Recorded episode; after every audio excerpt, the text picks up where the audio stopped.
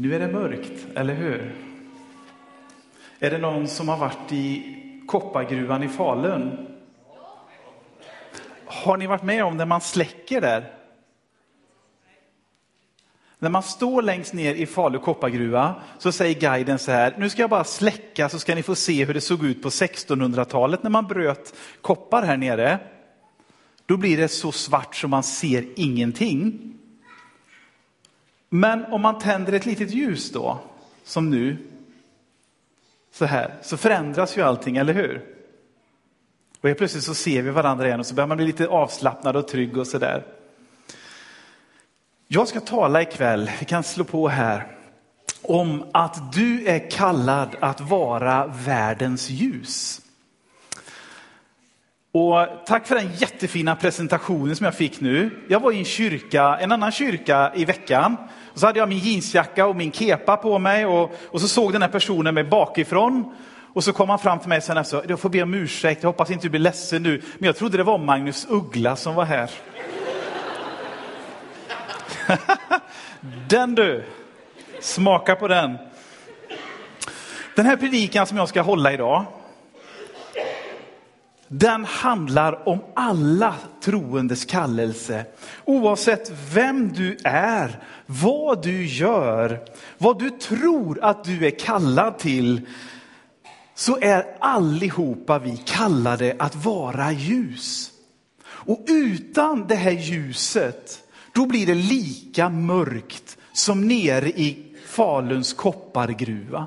Det blir becksvart.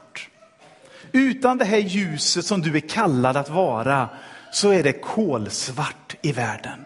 Det finns inget annat ljus än det här ljuset som jag ska prata om ikväll. Och det här är du en del av. Kan byta bild.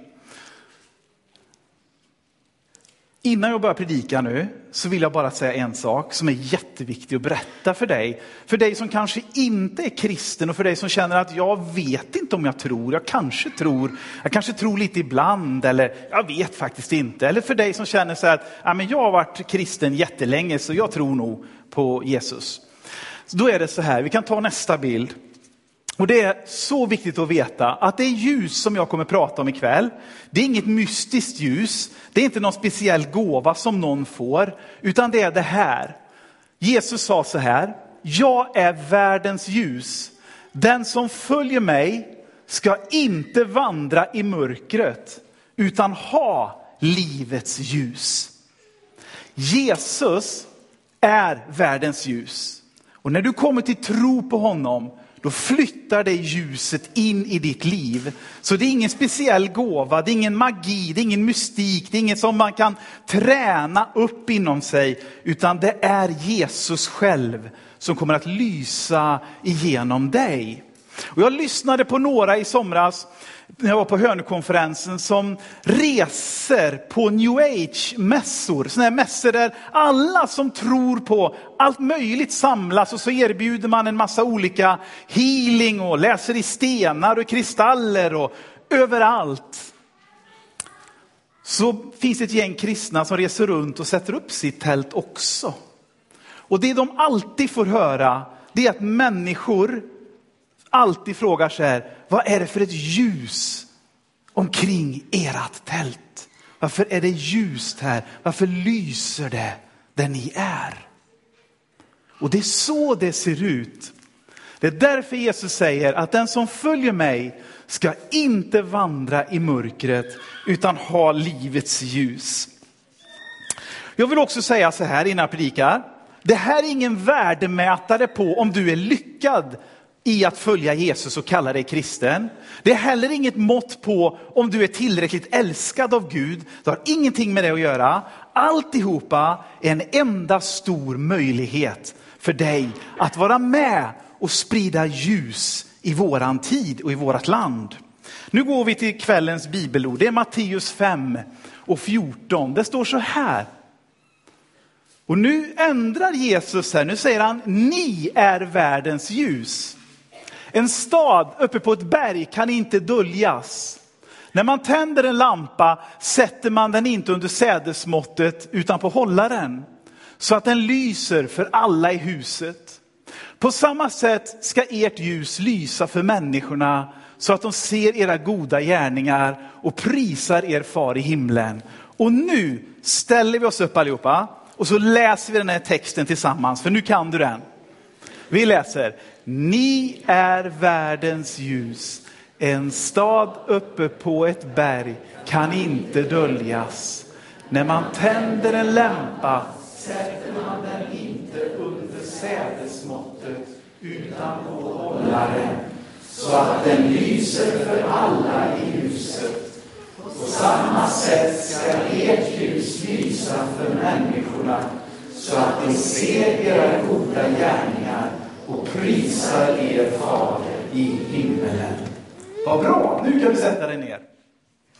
700 år tidigare, innan Jesus säger det här, i gamla testamentets tid, vet den här tjocka delen i, i Bibeln, den här som, som man säger så här, nej men du ska inte börja läsa den om du vill veta vad kristen tro är. I den delen, de som levde i den tron, de sa så här, att Jerusalem eller Adam eller Guds lag, det är världens ljus. Alltså det är där som Gud uppenbarar sig.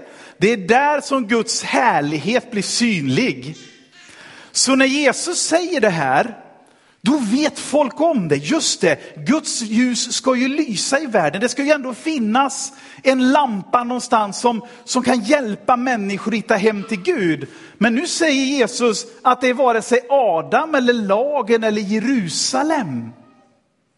Utan det är du. Det är ditt liv det handlar om.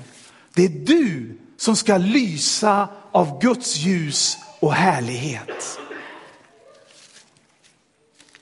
I Jesaja 60, som är vid den här tiden innan Jesus, 700 år innan Jesus, så säger han så här om Jerusalem just. Res dig och stråla i ljus, för ditt ljus är här och Herrens härlighet går upp över dig. Vi kommer snart återvända till den.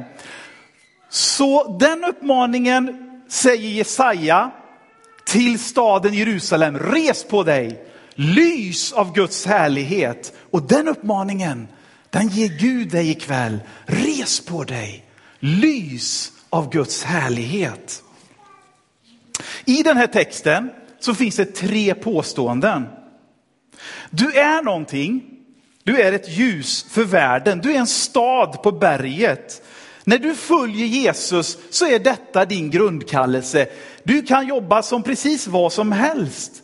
Du behöver inte vara pastor som jag, du kanske till och med kan tacka Gud för att du inte behöver vara det. Utan du kan jobba med vad du vill, men du kan alltid vara ett ljus där du är. Du kan alltid lysa, du kan alltid vara staden på berget. Och på Jesu tid i Galileen så är det väldigt bergigt landskap. Så när han sa det här, då visste folk, just det, så där ser det ut på natten i Galileen. Vi ser städerna. Och vet, då hade man ju inte neonljus eller ledlampor och sånt, det, det vet du. För 2000 år så hade man inte det, hade små lampor. Men det var så pass mörkt så att de här små lamporna de löser, de här kärfacklorna de löser de här städerna på bergen. Så folk visste det, aha, om vi ska följa Jesus, då ska inte vi gå och gömma oss. Utan då ska vi vara som städerna på berget som lyser. Så att människor ser att Gud finns. Sen är det någonting du inte ska göra och det är att ta en låda och sätta över huvudet. Du ska inte gömma dig. Du ska inte gömma dig. Utan det är någonting du ska göra. Du ska hitta platsen för ditt liv. Du ska sätta ditt liv i hållaren. Jag och min familj, eller man säger så här, min hustru och jag får följa med, men vi är väldigt intresserade av loppisar. Imorgon så är det Portabello Road här i, i eh, Lidköping, så då blir det ingen sovmorgon imorgon för min del heller, utan upp och iväg och ner och se om man kan hitta mer saker att ha i vårt hem av gamla ting. En sak som vi har fastnat lite för, det är sådana här lampetter av olika slag. Vad är en lamppetter för någonting? Nej, en lampett det är ju en ljushållare som man sätter på väggen, eller hur? Och i somras då tog jag med min familj till Vadstena och så firade vi att, att gubben var klar med sin utbildning och snart fyllde 50 år. Så då var vi där och så hittade ju naturligtvis min fru en affär där man säljer Ernst-saker för långt under Alva-priset. Och när vi kommer in i den affären så hittar vi självklart det som min hustru har liksom, gud en sån där skulle vi vilja ha, en Ernst-lampett. Som vi nu har hemma på väggen och den är jättesnygg och vi fick den jättebilligt. Men i den affären så hittar hon ännu mer saker. Och då säger jag så här, men vad ska du med det till? Då tänder affärsinnehavaren till och säger, så säger man inte här inne, gå ut med dig. Och då stod jag där och tänkte, okej, okay, vad gör jag nu? Min fru har fått en, affär, en advokat mitt inne i affären. Jag har aldrig blivit utkörd ur en affär förut som i Vadstena, men det blev jag. Det var Ernst Lampets fel. Vad är ljus för någonting? Har du funderat på det? Nej, det har du säkert inte. Och det har inte jag heller innan. Men ljus, det är en elektromagnetisk strålning som har en våglängd som vi kan uppfatta med vårt öga. Så att en bild kan projiceras på vår näthinna. Det är vad ljus är. Det är en elektromagnetisk strålning som har en våglängd som träffar vårt öga. Och så ser du att det står en liten farbror där framme och predikar, han som ser ut som Magnus Uggla. Ljus har en förmåga att påverka hur du mår. Ljus gör någonting med oss människor. Har du tänkt på vad trevligt det är till skillnad från Alltså när man kommer till en arbetsplats på morgonen så, här, så har man ju människor som älskar att tända alla lysrören på en gång, eller hur? Man är glad när man inte jobbar skift tillsammans med sådana människor, man är glad när man jobbar med de som tänder bara lite såna här köksbelysningar och grejer, så man hinner vakna till. Så det är lite soft mysbelysning så här. Men det är så här att ljuset har en förmåga att påverka oss jättemycket. Det är därför som LED-lampor och såna här spotlights och sånt här har blivit så populärt. För vi mår så bra av den här belysningarna, det, det, skapar en atmosfär. Det finns en orsak till att vi har det så här idag. Det gör någonting med oss. Vi mår bra, vi slappnar av, vi tycker det är trevligt. Då är det så här att precis samma funktion har du. Som efterföljare till Jesus så bär du på den här våglängden i ditt liv. Som har förmågan att visa människor vem Gud är. Att måla Jesus på människors näthinna så att de ser honom. Den ljusvåglängden får du av Gud. När du tar emot honom i ditt liv så blir du en sändare av Guds ljus in i människors liv. Det är därför historien är full av människor som har förändrat vår historia. När de har mött Jesus och bestämt sig för att vetenskapen, mitt liv, min tid, det ska tjäna andra människor, det ska tjäna Gud. Och så påverkar man och förändrar till och med historien. Man har förmågan att sända ljuset av Jesus, bilden av Jesus in i historien. Så det är vad du är kallad till. Är det min telefon? Ah. Just det, var det någon som sa. Men jag har stängt av ljudet, det var ju konstigt. Ja, så är det. Okej, okay, vad säger Jesus mer? Du har en plats. Och det är inte under lådan där du ska gömma ditt ljus. Utan du har en plats, precis som Ernst lampett hemma hos oss nu. Du har en plats i rummet där människor är. En tydlig plats som passar för dig. En tydlig plats som är gjord för ditt ljus, för ditt liv. För att du ska lysa för de andra människorna som finns i ditt livsrum. För de som är runt omkring dig. Och tänk, om vi alla på den här jorden, eller så många, bestämde oss för att jag ska låta mitt ljus lysa. Jag ska ta den platsen som är min och där ska jag sätta mitt ljus och låta det lysa för alla andra i rummet. Vilken revolution det skulle bli. Om vi var inställda på att mitt ljus, det ska lysa för alla andra. Det är inte som idag, så här, jag vill bli idol, jag vill bli stjärna, jag vill liksom, så fort som möjligt så vill jag bara göra en raketkarriär så att allt ljus hamnar på mig. Utan jag vill att det ljuset jag har fått ska lysa på alla andra så att de ser. då får du ett hållbart liv. När ditt liv blir en reflektion av Gud över din tid, över din klass, över dina skolkamrater, över dina grannar, över dina vänner, över dina släktingar. Att det ljus Gud har gett dig, jag sätter det i lamphållaren så att det lyser. Är ni en släkt som alltid bråkar? Är ni syskon som aldrig är sams? Är ni gifta och tycker att vi kommer inte överens? Tycker du att det är besvärligt på arbetsplatsen? Sätt ditt ljus i ljushållaren och bestäm dig. I mina dagar, i min tid, i mitt liv, då ska det lysa av Guds ljus över den här arbetsplatsen. Över den här familjen, över den här eh, relationen som jag har. Okej, okay. det är ju lätt att säga, men hur gör vi nu då 2017? Jo, Paulus, en gubbe som har skrivit jättemycket i Nya Testamentet, den lite smalare delen av Bibeln.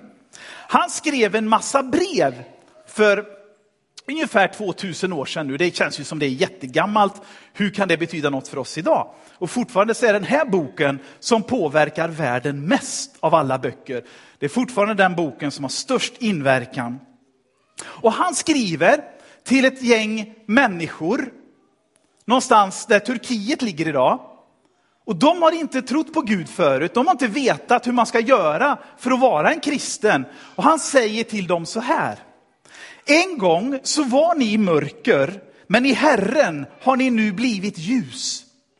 Hör du vad han säger? Ni var mörker, men nu har ni blivit ljus.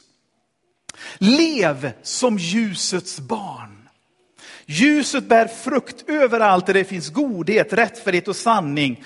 Och ta, tänk på vad Herren vill och ta inte del i mörkrets ofruktbara gärningar. Lev som ljusets barn. Det betyder inte, aha, nu får man skärpa sig. Nu måste man liksom tänka sig för hela tiden och bli en bättre människa.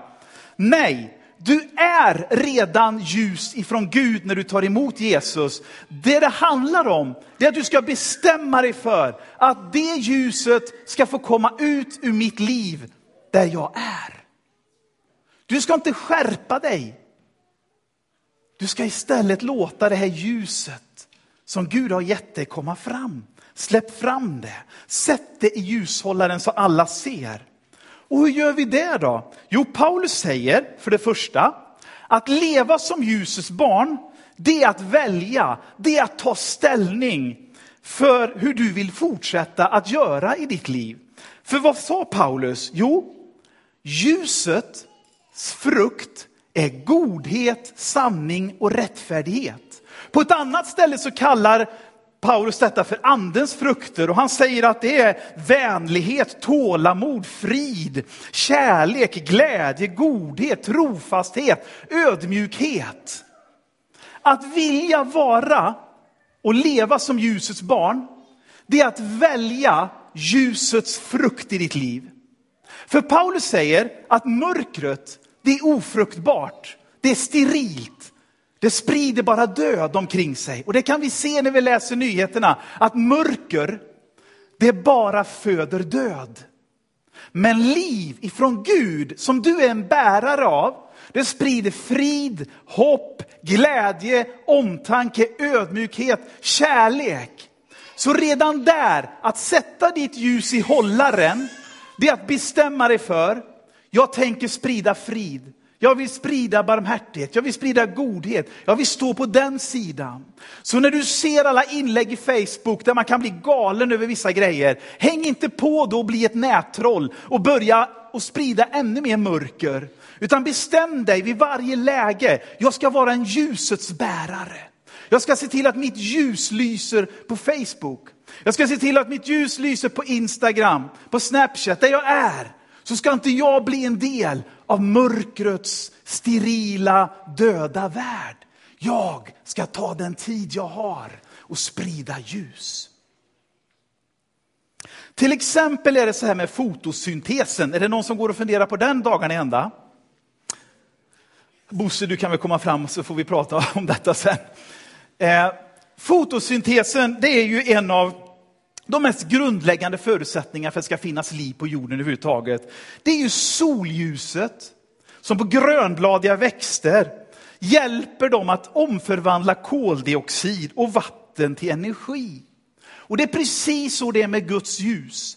Om vi väljer att inte gå mörkrets väg utan ljusets väg, då blir vi som en del av den andliga fotosyntesen. Då är vi med och sprider det ljus som gör att människor kommer ut i frihet, som gör att människor kan få en ny inriktning på sitt liv, som kan se att det finns en annan väg än hat och förföljelse och trakasserier och nättroll. Det finns en annan väg, det finns en andlig fotosyntes där ljuset genom ditt liv gör att andra börjar bära god frukt. Därför de ser i ditt liv att det går, att det är möjligt.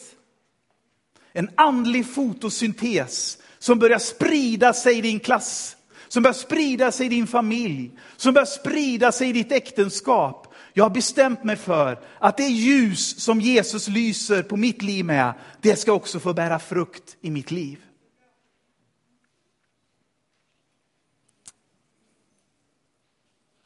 En sak till som Paulus säger, det är att när du får det här ljuset, ja, det låter som jag säger, du ska få en sån här hemligt ljus över dig, det är inte det det handlar om. När Jesus får bo i ditt hjärta, som vi sa i söndagsskolan när man var liten och lekte i sån här sandlåda, du vet. Ehm, det är det det handlar om, när Jesus får bo i vårt hjärta, när han får bli en praktisk del av vår vardag, då får du också mörkerseende. Det är rätt spännande, för Paulus säger så här, ta inte del i mörkrets ofruktbara gärningar, mer än så, avslöja dem. Vad sådant folk har för sig i skymundan är en skam till och med att tala om. Men när allt sammans avslöjas av ljuset blir det synligt, för överallt där något blir synligt finns ljus.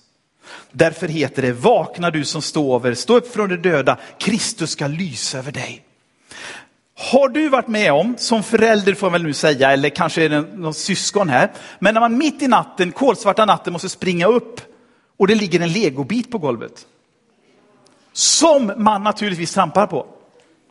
Eller hur? Har du i mörkret någon gång när du fått pinknöd mitt i natten, jag måste upp och kissa, och springer ut och kör lilltån i dörrkarmen för att man inte ser? Eller hur? Då kan den mest fromma pastor ligga på golvet och, och ibland säga dumma saker. Det gör så fruktansvärt ont. Därför att det är så mörkret är. Det döljer, det är dolt och det är bara till för att skada. Det är bara till för att göra dig illa. Det är därför Paulus säger, ta inte del i mörkrets ofruktbara gärningar, utan låt ljuset drabba ditt liv så det avslöjar vad som finns där. Har du sett en modern soldat idag? De springer inte omkring med ficklampa. De har någonting annat. Vad har de? De har night vision googles. Det har du inte tänkt på. och tjejen där framme bara, åh vad tråkigt liksom. Prata om något annat. Nej men det är jättebra. Vet ni vad de gör? De kallas för bildförstärkare också. Det gör att man ser när det är kolsvart. Så alla soldater som försöker gömma sig, de ser man. Där ligger de, där ligger de, där ligger de. Där ligger mörkret och lurar. Så ser man i mörkret. Fast det inte går egentligen. Och det är så det är med Guds ljus, en väldigt dålig bild, men det är så det funkar. Helt plötsligt kan du se att den där vägen är inte bra för mig. Här lurar någonting i mörkret, jag vill inte gå den vägen. Kanske måste du till och med säga till dina vänner, jag kommer inte följa med er på det här partyt. Jag känner, det är inte bra det här. Eller jag kan inte följa med på det här. Jag känner att det är någonting här som, jag, nej jag vill inte.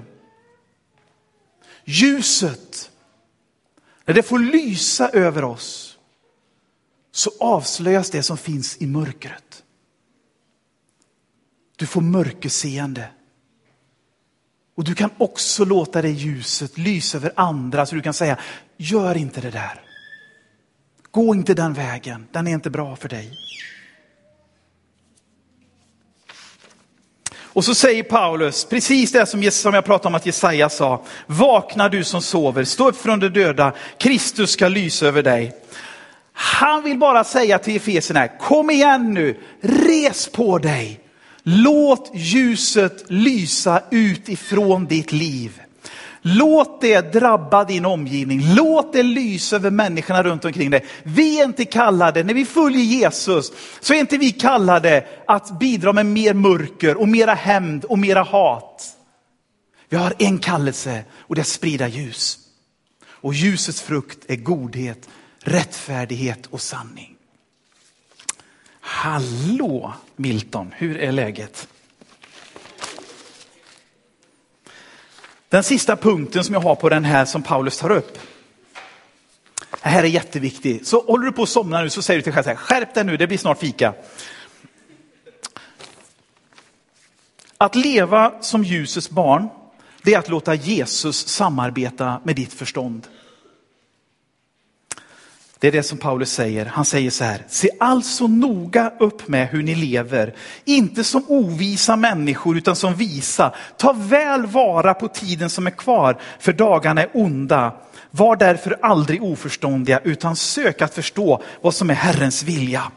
Ett annat dåligt exempel. Om du sitter i ett mörkt rum och läser en bok så blir det en ganska trist bokupplevelse, eller hur? Det är inte helt lätt att se det. Men tänder man så man får ljus, då ser man texten, så projiceras det med de här elektromagnetiska vågorna in i vårt öga. Så ser vi och så kommer texten att flytta in i vår hjärna, eller hur?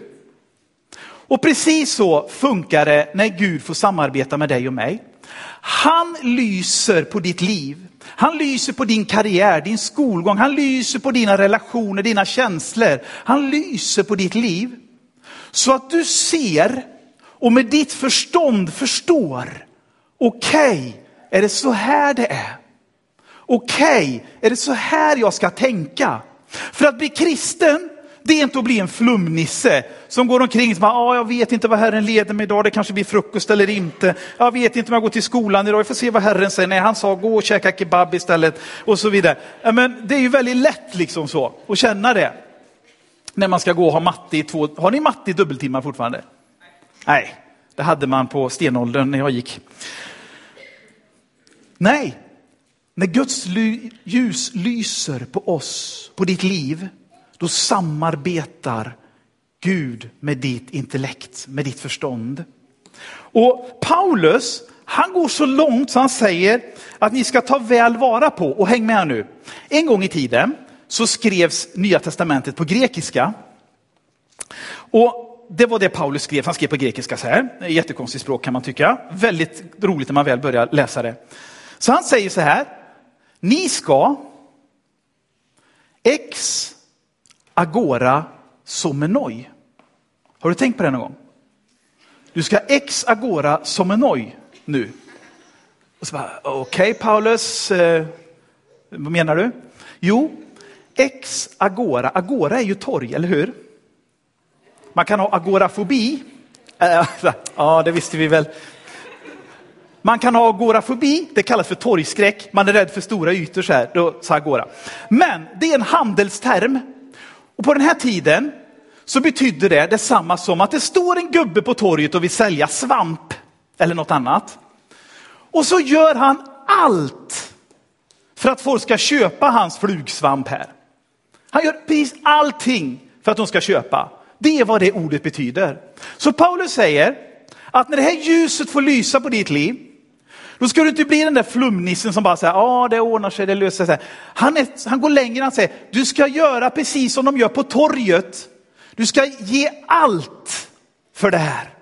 Du ska se till att det blir sålt. Du ska se till att du fattar vad det handlar om. Gud vill samarbeta med din förnuft och ditt förstånd. Gör allt. Ex agora som en oj. Bete er som torghandlarna. Jag ska ha allt det ljuset lyser på. Jag ska ha det i mitt liv och jag tänker inte ge mig. Och så till sist så säger han, försök också förstå vad som är Herrens vilja. Och det här är kanske det viktigaste. Det är att det finns inga regler och lagböcker som du ska följa när du tar emot Jesus i ditt liv, blir kristen. Allting bygger i grund och botten på en egen relation med Gud. Kan man ha det? Kan man sitta och prata med Gud? Kan man umgås med Gud? Ja, man kan det. Hela det kristna livets grund är att du ska odla mycket tid med Gud och vara med honom. Därför, precis som när man blir förälskad i någon, har ni sett hur förvandlade de blir? Slashasen i kyrkan liksom helt plötsligt har börjat skärpa upp sig och har liksom pressväck på kalsongerna nästan liksom och skärpt upp sig något alldeles och ser nästan ut som den tjejen som han blir kär i. Har ni märkt den här förvandlingen som blir? Man blir väldigt mån om att jag vill så gärna att den här personen ska tycka om mig. Och jag vill så gärna förstå vad den här personen gillar för mat. Så att jag, jag gillar också helt plötsligt nudlar fast att jag hatar det. Och så vidare. Nu vill inte Gud detta att du ska äta nudlar, det är inte det jag säger. Men precis som när du får en väldigt varm relation med någon, någon du älskar, någon som betyder allt för dig, så vill du ta reda på vilken glass de gillar. Du vill veta om de gillar Star Wars eller Batman. Liksom. Det är jätteviktiga frågor helt plötsligt. Och det är precis så det kristna livet är. När Guds ljus får lysa på dig och du får se vem han är och känna av den kärleken och värmen från Gud, så kommer du att känna, jag vill bara veta mer om honom. Jag vill bara ha mer tid med honom. Jag vill veta vad han vill med mitt liv. Så det finns inga regler, det finns inga lagar du ska följa. Gud bjuder in dig till en kärleksrelation med sig själv. Där du lär dig att umgås med honom och börjar lära dig vem Gud är. På riktigt. Okej, okay, så vad har jag sagt idag? Nu kan lovsångarna komma fram. Det Jesus egentligen säger i Matteus 5 och 14, det är att du har blivit någonting. Du har blivit ljus ifrån Gud. Du kan välja att vara det i ditt eget liv. Eller så kan du välja att dölja det. Gud tvingar aldrig dig, utan det, du väljer. Vill du att ljuset ska sitta i hållaren och synas eller vill du gå undan? Det är ditt val. För det är så här, det är genom hur vi väljer att leva och vara som vi släpper på det här ljuset eller stänger av det här ljuset så att människor ser, inte ser. Och idag så tänkte jag att vi ska göra någonting väldigt konkret här. Och det är fortfarande inget magiskt, det är ingenting som händer för att vi gör det. Men jag har med hjälp av några från Örslösa här tre stockar som står här med fat. Och där kommer det stå tre Jesusljus som man säger i Örslösa. Alltså ljus som kommer vara tända. Och så kan du ta ett litet värmeljus eller ett tjockare ljus om du vill det där. Och så kan du gå fram och som en symbol för ditt eget liv så kan du tänka så här, jag vill vara det där ljuset, jag vill hitta den där lamphållaren för mitt liv. Jag vill lysa för de andra i rummet, jag vill vara staden på berget som andra kan titta efter. Kommer du ihåg nyårsfyrverkeriet i Lidköping detta året? Var det ett sånt överhuvudtaget?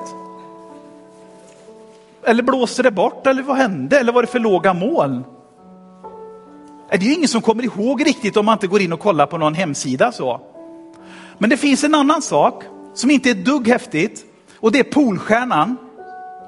Den kommer alltid sitta där uppe och lysa och visa vägen för den som vill orientera efter den.